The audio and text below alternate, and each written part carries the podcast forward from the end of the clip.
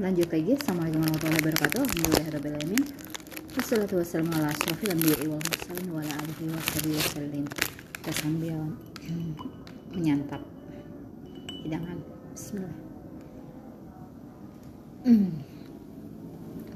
Jadi aku baru dapat uh, sebuah solusi dari sedemikian panjang aku berpikir tentang Nabi Haidir alaihissalam.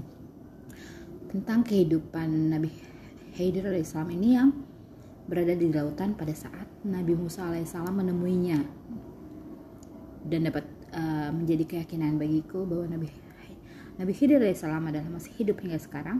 Kenapa? Karena kalau manusia seperti biasa seperti kita yang tidak pernah tersentuh oleh namanya air yang diriwayatkan telah diminum oleh Nabi Khidir yaitu maul hayat itu nggak akan bisa hidup lama-lama di lautan. Namun untuk orang yang sudah memiliki sebuah anugerah yang Allah berikan, tidak menjadi masalah mau hidup di mana pun, karena menjadi suatu uh, uh, kehendaknya Allah akan memberikan sepanjang apa umur kepada Nabi Khidir alaihissalam. Semoga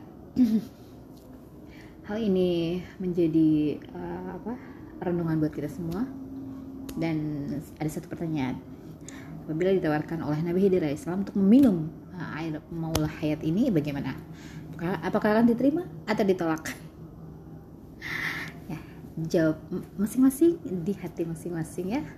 Assalamualaikum warahmatullahi wabarakatuh. Alhamdulillahirrahmanirrahim Subhana rabbika rabbi izzati Amma Walhamdulillahirrahmanirrahim Assalamualaikum warahmatullahi wabarakatuh. Wallahu alam